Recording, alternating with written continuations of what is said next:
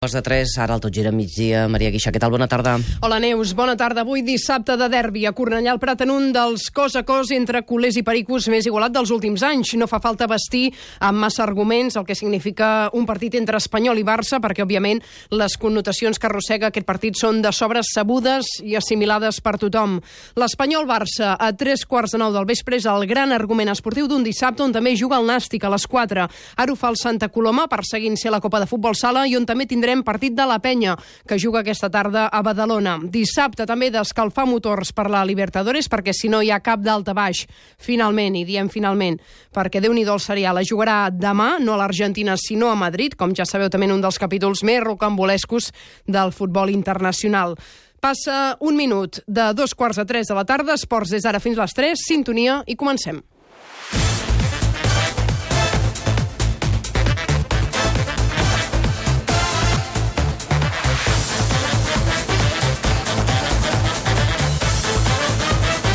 Gira a migdia amb Maria Guixà. De seguida, última hora d'aquest derbi, d'aquest espanyol-Barça d'avui a Cornellà, però abans tenim esport en directe a aquesta hora i d'entrada un escenari ens porta fins a Santa Coloma. Futbol sala juga l'Indústries amb el Penyíscola. Ernest Macià. Doncs ara mateix el partit es troba 28 segons pel final i podem dir que l'indústria Santa Coloma perdrà i que sortirà de la plaça de places de Copa perquè eh, Penyíscola ha estat molt superior, guanya 1 a 3, era rival directe, li passa per tant davant a la classificació sense cap tipus de contestació, 17 segons, 16, ara jugant amb el porter jugador l'indústria Santa Coloma ha fet probablement un dels partits més fluixos de la temporada. Recordem que fa només 3 setmanes va ser capaç de guanyar aquest equip, aquell mateix equip al Palau Blaugrana, el Barça. Avui, en canvi, contra un rival directe ha fet un partit més aviat discret, per no dir dolent, i tot i el gol de Ximbinya de fa poca estona, els visitants guanyaven 0 a 3, han estat superiors també en eh, ocasions de gol, han xutat fins a 6 vegades més contra la porteria catalana, i ara mateix acaba el partit, victòria del Penyíscola, de moment l'Indústria Santa Coloma pendent dels altres partits, però sortiria d'aquesta zona de Copa Indústria Santa Coloma 1, Penyíscola 3. Gràcies, Ernest. Era la penúltima jornada d'aquesta primera volta, una indústria que tanca la setmana que ve la pista del Jaén. Aquesta primera volta veurem, com ens comenta l'Ernest, com acaba aquesta carambola i si els catalans poden ser o no finalment a la Copa d'Espanya de València. I Xavi Palau, bona tarda. Bona tarda, Maria. A primera partidàs també ja recta final al Wanda d'un partit entre l'Atlètic de Madrid i l'Alavés. Que domina l'equip Matalassi, l'equip de Simeone, però que passa ara els pitjors moments perquè posa setge l'Alavés, que busca l'empat. Ara mateix 73 minuts de partit, estadi Wanda Metropolitano és l'escenari, guanya l'Atlètic de Madrid 1-0, el gol de Kalinic a la primera part, però repeteixo, els millors moments, els millors minuts de l'Alavés de Belardo, que busca la porteria d'Oblak per igualar com a mínim aquest partit ja Maria en la seva recta final. Un derbi avui que culminarà a Cornellà al Prat a tres quarts de nou del vespre, però l'activitat institucional d'aquest Espanyol-Barça comença aquest migdia.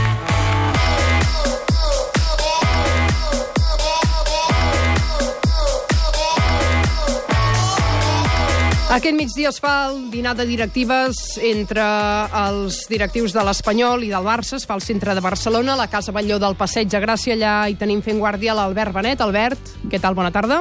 Bona tarda. Un dinar, Albert, que estava previst per ara, eh? per dos quarts de tres. Passen uns minutets d'aquesta hora. Mm, Preguntar-te d'entrada si hi ha o no puntualitat.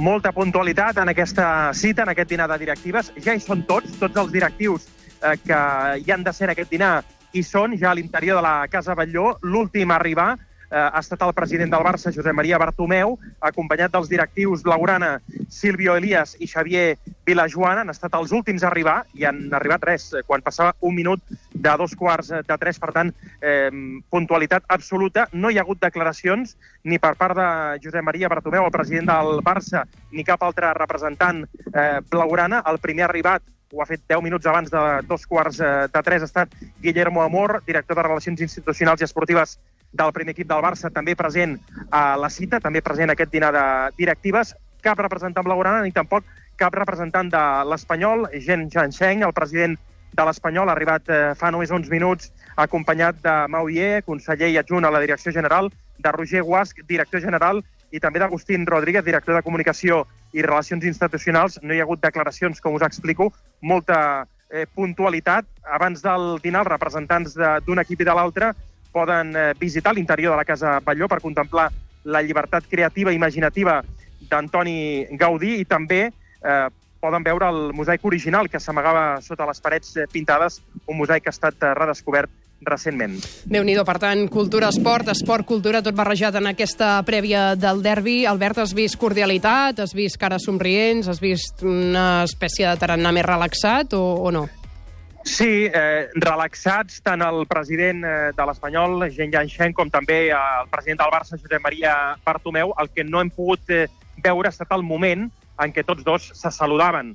Eh, és d'esperar que s'han saludat de manera cordial tant els presidents d'Espanyol i Barça com també els representants d'un equip i de l'altre, però a les portes de la Casa Batlló, on els periodistes hem tingut eh, accés, ha estat a l'arribada la, de, de tots els representants institucionals d'Espanyol i Barça, però insisti, insisteixo en això, no hem pogut veure com se saludaven uns i altres.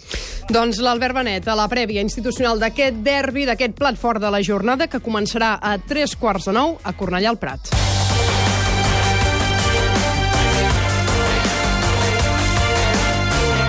Espanyol i Barça disputen avui el duel català d'aquesta jornada primera en un dels més igualats que recordaran últimament a Cornellà al Prat. El partit a tres quarts de nou del vespre. A aquesta hora ja podem saludar l'Eudal Serra i la Marta Carreras. Bona tarda a tots dos. Bona tarda. D'entrada, Eudal, eh, tenim notícies fresques d'aquest mateix matí perquè la convocatòria de Rubi, la convocatòria a l'Espanyol, eh, l'hem sabut avui mateix.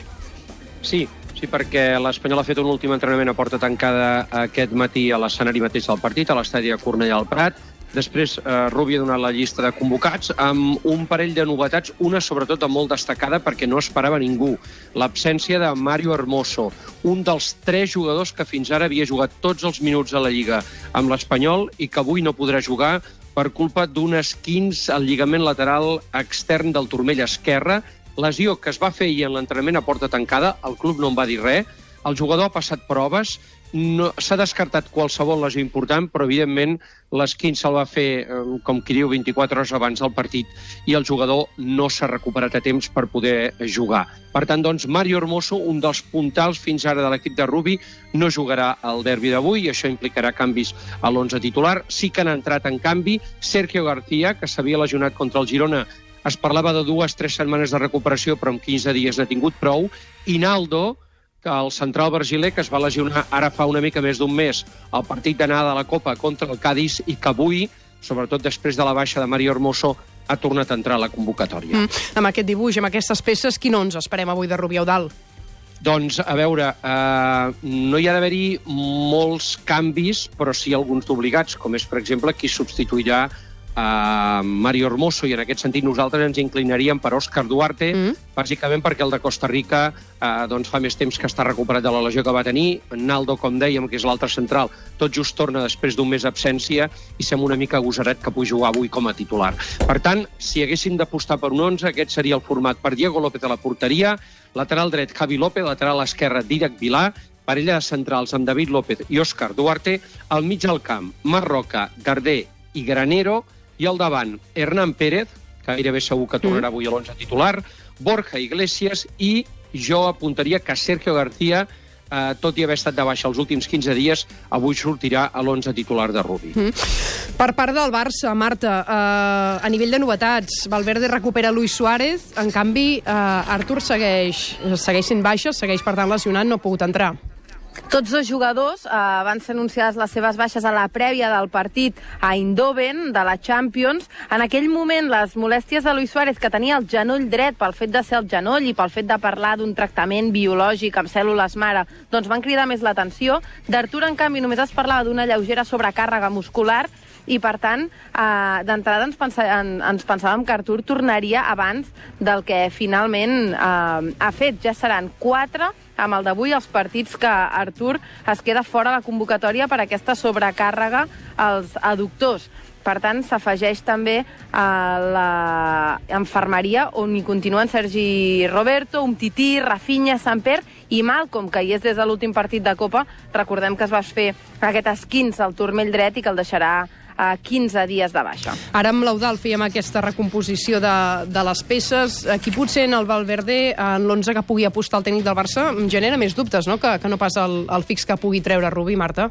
Mira, d'entrada, a la porteria i a la defensa no, no, no en genera cap, perquè seria Ter Stegen amb Semedo, Piqué, Langlais i Jordi Alba. Però sí que és veritat que a partir d'aquí, eh, tant al mig del camp com al davant, com a mínim hi ha una peça que fa ballar el cap dels culers ara mateix. Rakitic i Busquets semblen clars en aquest 11 titular. Veurem qui els acompanya d'entrada, qui té més números, qui sembla tenir més números o qui sembla tenir més la confiança de Valverde a falta d'Artur. És, sens dubte, Arturo Vidal. Ja sabem aquí que l'últim partit de Copa qui va més que aixecar el braç, sinó que jo et diria que pràcticament va fer un pols a Valverde és Denis Suárez, que reclamava uh, la, seva, la seva titularitat, mm. però vaja, jo crec que això ho podem uh, absolutament descartar, seria una gran sorpresa, però sí que és, vital, és veritat que va uh, Valverde mateix mencionar a Carles Alanyà, Carles Alanyà, un jugador que ara ja sí que té uh, definitivament el dorsal 21, uh, té fitxa de primer equip amb tots els efectes, va jugar tota l'eliminatòria tant d'anada com tornada contra la Cultural, 21 minuts contra el Villarreal, 22 minuts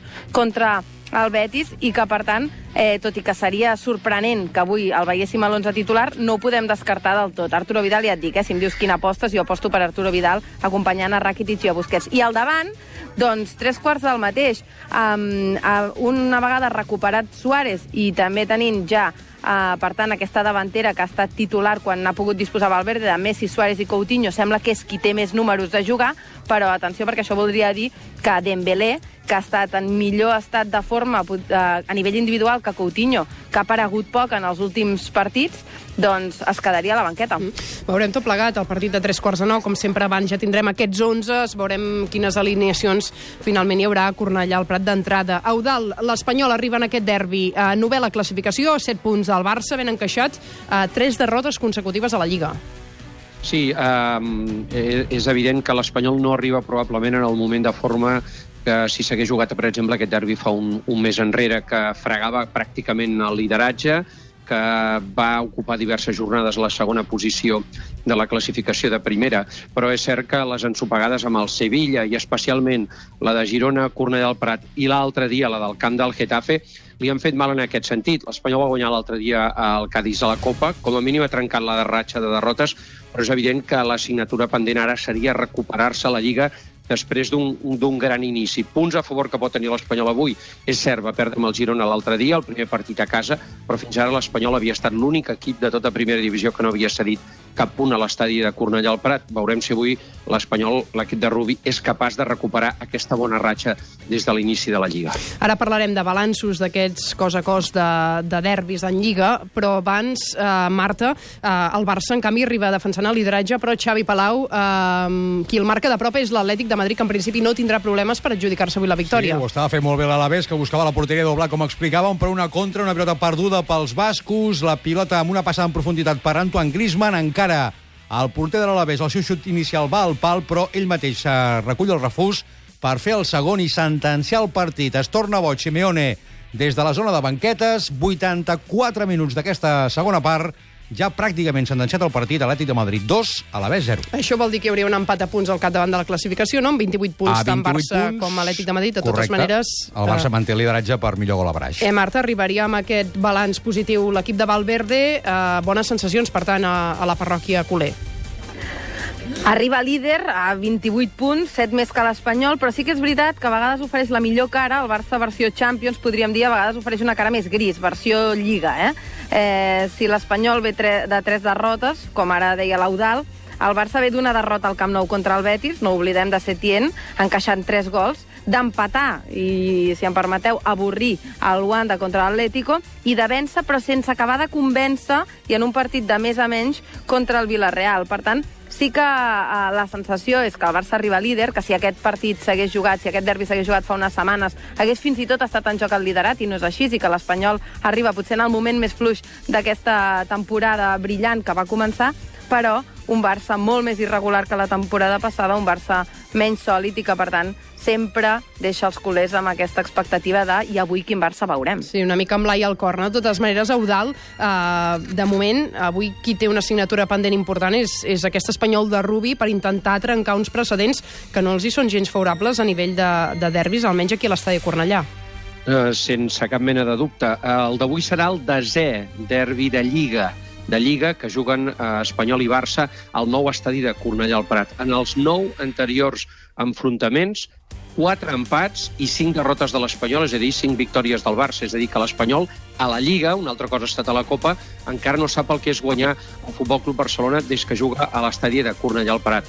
Uh, per tant, els números són claríssims i en aquest sentit, uh, avui deia, o ahir deia, vaja, Rubi, a la roda de premsa prèvia al partit, que veia aquest equip capacitat per aconseguir per primera vegada derrotar el Barça a la Lliga des que juguen a Cornellà al Prat. Mm. Preguntar-te també, Eudal, per l'estadi. Imaginem que avui farà goig, serà una de les millors, probablement, entrades de la temporada i, i també que hi haurà una bona representació a la zona noble de l'estadi. Sí, uh, en quant a l'entrada, s'espera, sens dubte, la millor de la temporada i t'hauria de dir que en aquest sentit no costa gaire, perquè el dia que va haver-hi més espectadors va ser ara fa 15 dies amb el Girona, fregant els 23.000 espectadors. Avui el club espera superar la xifra dels 30.000 i, si no, s'hi acostarà poc. I tot això teni... um, ho diuen en base en el nombre d'entrades que ja s'han venut prèviament al partit. Uh, I en quant a la llotja, plena de gom a gom, com acostuma a ser un derbi, però que en aquest cas diríem que hi haurà absència de, de, de polítics, és a dir, no hi haurà, per exemple, el president de la Generalitat ni l'alcaldessa de Barcelona, eh, cap d'ells han, han confirmat la seva assistència. Això sí, normalment quan acostuma a haver-hi un partit d'aquesta mena, la llotja acostuma a estar plena. L'Eudal, la Marta, dos també dels protagonistes avui a l'antena de Catalunya Ràdio d'aquest derbi, d'aquest espanyol Barça, tres quarts de nou del vespre. Gràcies, Eudal, gràcies, Marta. Adeu. Fins després. Tot gira a migdia. Amb Maria Guixà.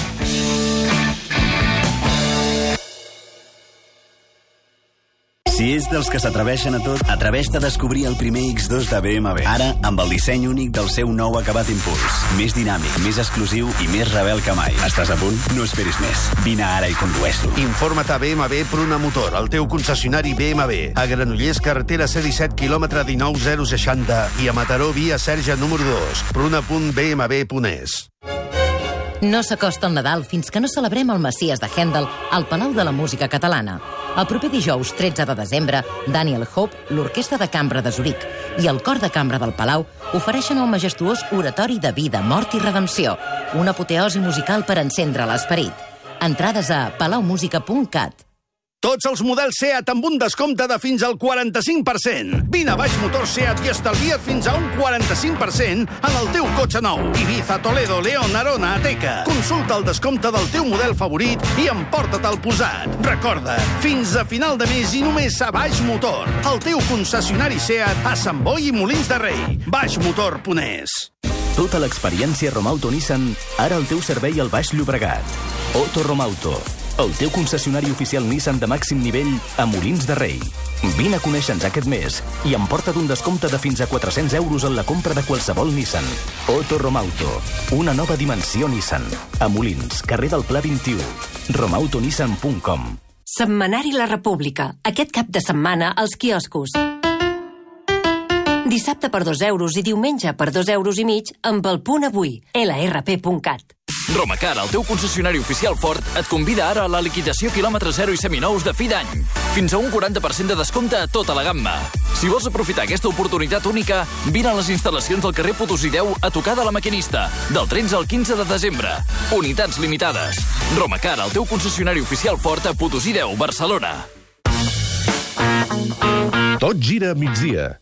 Amb Maria Guixà. D'aquí 11 minuts, les 3.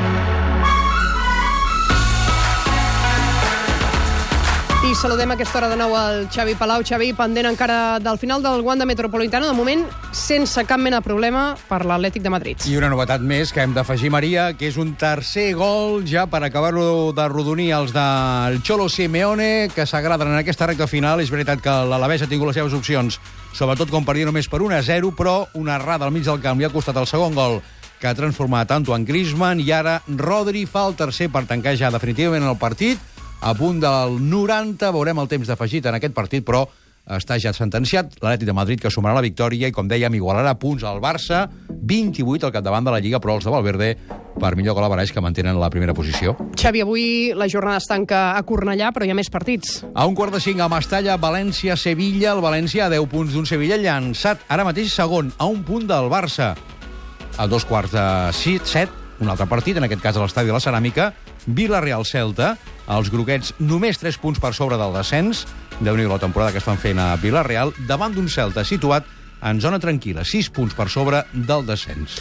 El Girona, l'altre equip català que no juga aquest cap de ho setmana, farà dilluns, eh? Sí, a Sant Mamés, tancarà aquesta jornada a la màxima categoria, però hi ha una mala notícia, una més, en forma de lesió. déu nhi la ratxa en negatiu en aquest aspecte que passa al Girona. Ha anunciat el club avui que Patrick Roberts estarà entre 8 i 10 setmanes de baixa. Té una lesió al bíceps femoral dret. Els Eusebio, com dèiem, jugaran dilluns contra l'Atlètic Club, que precisament no està passant una gens bona temporada. Demà qui jugues al Madrid.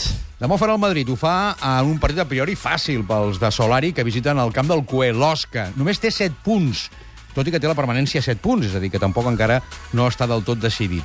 És Solari que ha dit que no es poden refiar tot i aquestes xifres, que hauran de sortir intensos si no volen repetir la mala experiència que van viure fa unes setmanes a Ipurua contra l'Eibar. No me caben dudas de que nos van a exigir al máximo y lo sabemos y, y lo que tenemos que hacer es, es salir a ganar el, el partido desde el primer minuto. Solari ha dit que defensa que no té un 11 fix per fer l'alineació, que tot depèn de l'estat físic i mental de cada jugador en cada moment, pren les decisions en funció de com es presenta cada partit i li han preguntat directament sobre la situació de Keylor Navas, el porter de Costa Rica, titular indiscutible fa uns mesos i ara ha passat a l'ostracisme total des de l'arribada de Courtois. Solari ha dit que no li recomana res a cap jugador, que no és ningú per recomanar res, però que com el Madrid no s'està en lloc, ha dit el tècnic argentí, que és el millor club del món. I Xavi, per acabar, un apunt en clau internacional eh, a França, perquè avui el Paris Saint-Germain ha carregat contra l'equip. Hi ha més un comunicat al seu lloc web on nega totes les informacions d'aquest diari francès en referència a l'esport mundial, l'equip, que avui dedica la portada al Paris Saint-Germain. Segons aquest rotatiu, estaria disposat a vendre Kylian Mbappé o Neymar per por a l'incompliment del fair play financer imposat per la UEFA. El club parisenc ha titllat el diari del mitjà de desinformació i nega rotundament les informacions del rotatiu assegurant que són totalment errònies, ridícules i amb l'única probabilitat de recrear un clima de tensió entre el club i aquest eh, mitjà. El comunicat també apunta que davant la desinformació orquestrada per l'equip i la seva incansable intent de soscavar la seva imatge, de nhi el PSG, el club més popular i reeixit de França, reafirma el seu desig d'avançar i dialogar només amb interlocutors de bona fe. Per cert que França també bull la situació social que ha obligat la suspensió d'alguns partits. La previsió d'incidents que ja estem veient via mitjans de comunicació que s'estan produint aquest cap de setmana pel conflicte impulsat pels armilles grogues ha dut a l'ajornament de sis partits de la màxima categoria francesa, uns partits que jugaran la segona setmana del mes de gener. I ara cap a Madrid, que està blindada, absolutament blindada, per la Libertadores.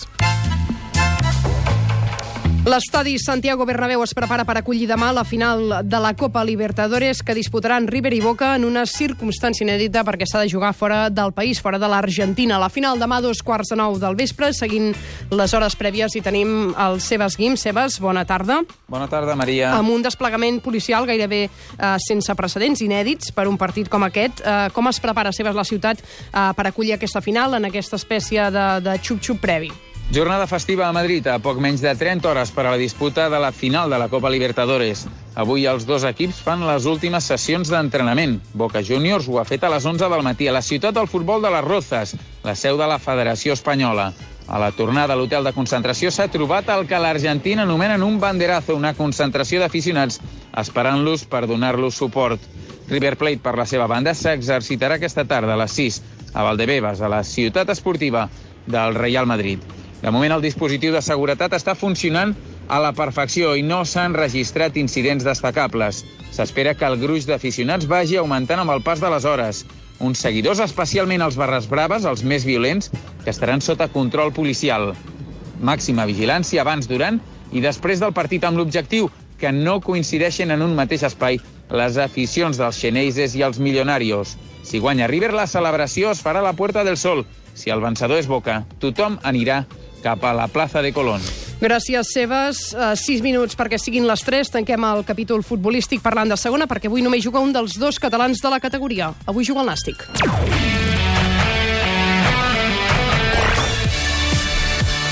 El Nàstic que rep el Granada d'aquí a poca estona, a partir de les 4 d'aquesta tarda, i serem amb el Carles Vila. Carles, bona tarda. Bona tarda. Els tarragonins són coers de segona, la salvació és de 6 punts, per tant, eh, Carles, s'han acabat les concessions, l'únic remei, l'únic camí és sumar de 3 en 3 i avui començar a fer-ho davant el tercer classificat de la Lliga. Sí, un altre rival complicat per un Nàstic que haurà de millorar si vol aconseguir la victòria. Als Granes li queden només tres avi- partits abans de l'aturada de Nadal i aquest contra el Granada serà l'últim al nou estadi. Per aquest enfrontament és eh, difícil saber què és el que decidirà fer Enrique Martín, el tècnic del Nàstic. No hi ha res clar, fins i tot ni tan sols qui ocuparà la porteria Becerra o Bernabé. Tampoc està molt clar si el tècnic navarrès farà servir l'habitual 5-3-2, el sistema mm, que ha fet servir des que va arribar a Tarragona, o es decideix a fer alguna variació tenint en compte els jugadors que té disponibles i la poca efectivitat aconseguida fins ara amb aquest estil de joc.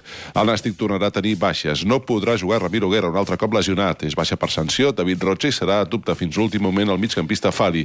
Això fa preveure que Martín tornarà a utilitzar jugadors del filial, com Brugui, Luis Suárez o Salva. Tot i els problemes i el fet de ser a 6 punts de la salvació, els jugadors no descarten poder sortir de la zona de descens abans del Nadal. Per aconseguir-ho, però, caldria guanyar avui i fer-ho també als camps de l'Extremadura i del Mallorca. Pel que fa al Granada, és el tercer classificat, com deies, i un dels equips en millor forma a la Lliga. A més, també és un dels millors com a visitant. Els de Diego Martínez arriben a més al nou estadi després de guanyar a domicili al Màlaga l'última jornada.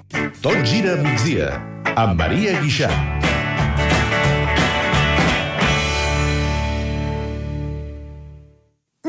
Petó, xoc, picar l'ullet, content. Mmm, que bo. Són els 5 divertits emoticoixins de Shell. En vols un? És molt fàcil. Demana segells quan posis combustible Shell i emporta-te'ls a un preu excepcional. Completa la cartella i col·lecciona'ls. Exclusius, només a Shell. Més informació a la web visagrupo.es i a l'estació de servei. Comparteix emocions. L'estaves esperant, l'estaves somiant. I ja és a Sarsa el nou Audi A1. Vine a Audi Sarsa. Sigues el primer a veure'l i provar-lo. Et convidem a esmorzar. Nou Audi A1 per 160 euros al mes. Demana cita al 93 619 1502. 93 619 1502. Sarsa Audi. A Terrassa, Manresa, Granollers i Vic. Tot gira a migdia amb Maria Guixà. Així de clar. Així de clar. 4 minuts i seran les 3 de la tarda. Tornem cap a Santa Coloma de Gramenet. Us hem explicat amb la Res Macià la derrota a la indústria. Santa Coloma 1-3 davant el Penyíscola, Lliga de Futbol Sala i l'Ernest, al pavelló encara Jacint Verdaguer, amb protagonista, amb el tècnic. Doncs mira, Maria, sóc a la pista amb l'Òscar Redondo, el tècnic de l'Indústries. Òscar, suposo que trist perquè s'han perdut moltes opcions, anar, pràcticament totes, d'anar a la Copa avui, no? Sí, sí. Triste por ese lado y orgulloso de nuevo del equipo. Eh, lo llevamos repitiendo durante todas las jornadas que llevamos hasta el día de hoy. El equipo se ha, vaciado, lo ha dejado todo. Está haciendo una primera vuelta muy buena. Eh, como hablábamos ahora con la gente, todos hubiésemos firmado llegar al final de la primera vuelta con 19 puntos y a nosotros nos falta un partido aún por disputar. Así que vamos a acabar como mínimo con 19 puntos la primera vuelta. Y lógicamente triste por lo que dices, ¿no? Que se había generado muchísima ilusión y es lógico, no voy a ser yo el que, el que quite esa ilusión a la afición, a, la directiva, a, a todo el mundo, que estamos encantados de haber podido crear esa, esa ilusión. Y como te decía, ahora son mucho menos las opciones, las posibilidades, pero nosotros vamos a Jaén con la idea de con la idea que llevamos toda la temporada. De ir a Jaén, disputar tres puntos, intentar traérnoslo y si somos capaces de acabar la primera vuelta con 22 puntos, estemos en Copa o no, será un éxito total de primera vuelta. Es evidente que calidad hay, eso es indiscutible. ¿Qué crees que le ha podido faltar al equipo hoy? Bueno, eh, Gol Pacheco. eh, entre otras cosas, quizás nuestro jugador no más importante, pero sí más diferencial en cuanto, en cuanto que te aporta ese desborde en el uno para uno que es tan fundamental con equipos como, como Peñíscola. Nosotros ya lo sabíamos, creo que hemos jugado bien el balón en fases, pero esto, esto se trata de al final, cuando estás en unas zonas de finalización, ser capaz de crear una superioridad para, para generar gol, ¿no? Eh, no es una excusa no haber tenido a Paul, tenemos otro- otros jugadores que pueden aportar otras cosas y que las han aportado, pero creo que hoy el rival ha sido más intenso y no quiero decir que el nuestro no lo haya sido, sino que el perfil de Peñíscola es un equipo muy intenso, que defensivamente ha estado excelente y que esas ocasiones que nosotros no, no hemos acabado metiéndolas, ellos sí que han acertado y creo que han sido justos merecedores de la victoria. Gracias, Òscar. A vosotros. I Xavi Soler, bona tarda. Bona tarda. A la CB, bàsquet a les 6, Penya Unicaja. És un partit important per les opcions de Copa de l'equip de Carles Duran. A partir de les 6, aquest Penya Unicaja, la Penya lluitant per entrar a la Copa, l'Unicaja, quart classificat entrant per ser cap de sèrie. A l'Olímpic de Badalona hi serem amb l'Ernest Massé. I ara són les 3, més tot gira a les 4 amb el David Clopés. Adéu-siau, bon dissabte.